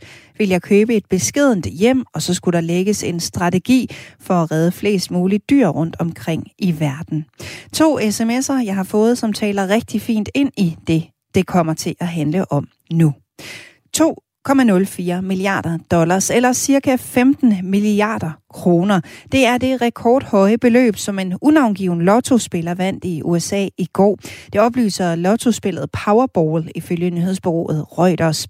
Beløbet er en verdensrekord ifølge flere medier og kommer efter 40 trækninger, trækninger uden en vinder. Sandsynligheden for at få alle seks numre i trækningen 10, 33, 41, 47, 56 og en såkaldt Powerball på 10 var 1 til 292 millioner. I, Dan- Undskyld, I Danmark er rekorden lige nu over 759 millioner kroner i Euro Jackpot. Den vinderkupon blev købt sidste år i Menu i Blåvand, og det var dig, der efterfølgende rådgav vinderen. Hej Åmand, velkommen til Aftenradio. Jo, tak for det. Ja, det var det. Det var da en spændende opgave jo. Det er jo helt usædvanligt med så store beløb herhjemme. Det kunne jeg forestille mig. Du er jo millionærrådgiver for Danske Spil og har været det i 16 år. Der er jo øh, sikkert mange, der går og håber på et opkald fra dig, men nu er det altså mig, der har ringet til dig. Det, det er helt rigtigt. Jeg har mange stående invitationer, ja. Det kunne jeg forestille mig. Du er altså millionærrådgiver. Du er den ene af de to, der er, og du dækker hele Jylland og Fyn. Hvad er det helt præcist, en millionærrådgiver foretager sig? Jeg øh, besøger vennerne og øh, taler med dem om, hvilke muligheder de nu har på grund af, af det held, som har ramt dem, ikke også? Og øh, det, det er jo forskelligt, øh, også afhængig af gevinstens størrelse gevinster i den her størrelse, vi taler om, altså de 15 milliarder, det er jo helt ubegribeligt nærmest, og 750 millioner, det er jo også rigtig meget. Ikke? Også der er der næsten en grænse for, hvad man kan foretage for så videre. Men øhm, man kan sige, at forskellen på øh, at vinde en almindelig stor gevinst på en 5-10 millioner kroner, og så de her usandsynlige store beløb, det er jo, at hvis man vinder mange penge, så, så har man mulighed for at indfri øh, nogle af de ønsker, man har haft, og man kan gøre noget godt, og man kan spare noget op til senere hen og så videre. Hvis man vinder så mange penge, som vi taler om her, så er det jo sådan set en, en omvæltning af ens liv. Og der skal man sådan set regne med, at man skal også til at, at lægge, lægge det om. Sådan set. Det bliver man jo næsten nødt til, fordi det er så ufatteligt mange penge. Så altså nu de 15 milliarder, som, som man snakker om, det er altså i USA har man et andet system, der kan man, der får man dem udbetalt over 29 år. Men, men det er jo alligevel, hvis man deler 15 milliarder op på 29 eller 30 år, så, så er det rundt regnet 500 millioner om året. Og det er stadig en chat. Det, det overstiger langt de vildeste, hvad skal man sige, gevinster, som, som vi kan forestille os i dagligdagen. Ja. Så, så det, det, er, det er rigtig spændende. Hvor mange millionærer har, har du talt med, har jo mand? Jeg har talt med godt og vel 500 vinder, som har vundet over en million, ja. Og hvordan foregår den sådan uh, praktiske proces, når man vinder en million eller to eller, eller endnu mere? Jamen, det foregår ganske enkelt ved, at Danske Spil kontakter mig og fortæller, øh, hvem vinderen er, og så kontakter jeg vinderen, og så aftaler vi et tidspunkt, hvor vi mødes. Som regel er det i, øh, i vinderens hjem, vi mødes, og, øh, og så kommer jeg, og så sidder vi og, og får en kop kaffe som regel, og så øh, slutter vi lidt om det, og taler om de muligheder, som, som man nu har, og hvad, hvad man skal være opmærksom på. Det er ikke sådan, at det bare er en ren investeringsrådgivning, og nu skal de købe så og så meget af det ene og det andet værdipapir. Nej, vi prøver, jeg prøver ligesom at tage udgangspunkt i deres konkrete situation, og ligesom se efter, hvad, hvad, hvad er der nu? Er det, er det yngre mennesker, der har et par børn rende omkring? Jeg så spørger jeg dem, om de er gift, og det er ikke sådan specielt for at være nysgerrig, men det betyder faktisk temmelig meget, fordi hvis man nu tænker sig, at vinderen kommer ud for et ulykkestilfælde, ja, så risikerer man jo bagefter at sidde tilbage med nogle meget velhavende børn, men den efterlevende har måske ikke råd til at huset. Og det er sådan nogle ting, som man skal tænke på også. Man skal også tit tænke lidt på testamenter og, og, og så videre, når man kommer i besiddelse af så mange penge. Så, så der er forskellige ting, som man ikke sådan tænker på i det daglige, som man skal tage hensyn til, når man kommer i den her situation. Mange af vennerne kommer jo ofte i gavehumør også. Og, øhm, og der er jo sådan en, en oversigt med over gavereglerne herhjemme, så man, man kan se, hvad man kan give væk, øh, uden at det får nogle skattemæssige konsekvenser for, for modtagerne. Jamen. Så, så der er som nok at snakke om. Ja, det, kan- ja, det kan jeg forstå. Nu, øh, nu siger du, at, øh, at øh, de som regel kommer i gavehumør. Altså, hvordan reagerer de her vinder typisk, når, når de får sådan et opkald? Jamen, vinder reagerer typisk øh, med, med stor forbavselse, sådan set. Fordi selvom de måske har spillet i rigtig mange år, så kommer det bag på den, og pludselig de er heldige og vinder et, og vinder et større beløb også. Og øh, det, det kræver sådan lidt tid at, at, at vende sig til det. For de fleste vinder, der, der er, selvom det er en glædelig oplevelse, så giver det nogle søvnløse nætter for rigtig mange af dem. Og øhm, det hænger lidt sammen med, at man havde måske nok, inden man vandt nogle vældige planer om alt det, man ville på jorden, rejse og købe store biler og, og et nyt hus og sådan noget. Men, men når man så faktisk står med penge i hånden, så bliver man så snus fornuftig. Så jeg mange gange må opfordre vinderen til at sige, ja, men øh, nu har vi været heldige, nu skal vi da også fejre det, sådan at vi kan mærke, at det var rigtig dejligt for os. De skal simpelthen presses lidt ud i at bruge nogle penge. ja, ja, man kan godt sige, at de bliver faktisk sådan, de bliver lidt, Øh, ja, ja, de bliver sådan lidt, lidt, lidt presset og skulle passe på så mange penge, sådan set. Så, så der, der, der føler man sådan et vist ansvar, ikke også? Hvad køber de så typisk som det første, når, øh, når de er blevet overtalt til at få brugt nogle af, af gevinstpengene? Jamen altså, øhm, de, de typiske ting, som folk gør, det er jo tit ønsker man sig en bil eller to øh, nye biler, og øh, måske vil man gerne have noget gjort ved huset, og så siger jeg til dem, at nu har de så mange penge, så nu skal de så også overveje, om de er sikre på, at det er det rigtige sted, de bor, om de skal have et helt andet hus, når det kommer til stykket. Og, øh, og sådan, sådan får vi lidt, lidt snak om det, ikke også? Så øhm, jamen, der, der er som rigtig snakker om. De snakker som regel en eller anden to timer. Hvordan er det for dig at tale med de her mennesker? Jamen, det synes jeg er en fornøjelse. Det, øh, jeg glæder mig over det sådan set, fordi jeg betragter selv mit job som værende Danmarks bedste. Jeg møder kun glade mennesker jo.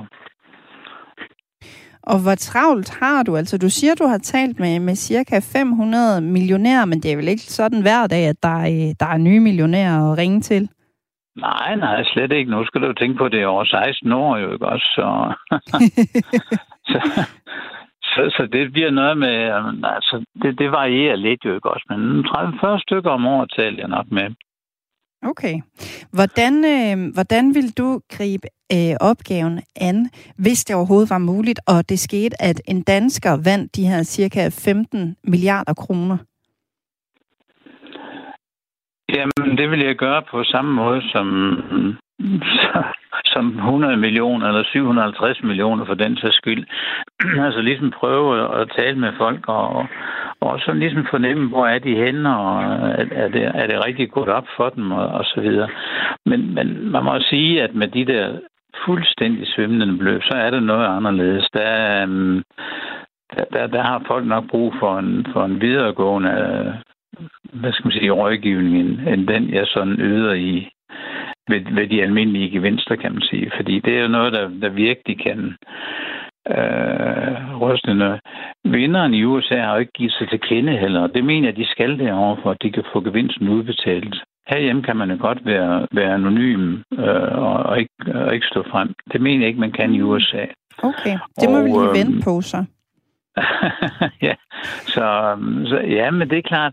Og der kan man så nok sige, med så store beløb der, så, så, øhm, så, så skal man nok være lidt forsigtig. Der, der kan man jo godt risikere, at der, man, man kan få masser af tiggerbreve eller låneanmodninger, og, og også fra forskellige organisationer og sådan noget, som gerne vil, vil øh, på god fod med en vinder af så mange penge. Ikke? Også det, Mm. det er helt usædvanligt, det der. Lige, øh, lige her helt kort til sidst, Harry Aumann. Hvis man skulle være så heldig at komme i nærheden af en gevinst, måske ikke på 15 milliarder, men så på et par, et par millioner, har du så et par, et par gode råd? Ja, altså, det er, jo, det er jo det, vi har snakket om, der med at, at bruge dem, ikke også til... Øh, altså, vi kigger efter, hvordan man kan få det bedste udbytte ud af pengene der, og, øh, og som regel så bliver der så også lidt tilbage, som man, øh, som man investerer, således at man har et godt, solidt rygstød. Mm. Det, det er jo sådan set det, men med sådan en almindelig gevinst, så har man mulighed for at, at gøre nogle af de ting, man gerne vil, og man kan være god ved sin familie og sine omgivelser, og som Det regel bliver der også et beløb tilbage, så man har et, som sagt et solidt rygstød fremover. Jeps. Måske tals vi ved, øh, Harry Aumann. Jeg fik nemlig engang fortalt af en håndlæser, at jeg kommer til at vinde en stor lottogevinst i fremtiden, så jeg håber da på at høre øh, fra dig. Jamen, jeg kommer meget gerne og besøger dig. Indtil videre, tak fordi du var med her, Harry Aumann. ja, velbekomme da. Altså millionærrådgiver for Danske Spil. Nu er der nyheder med Henrik Mø.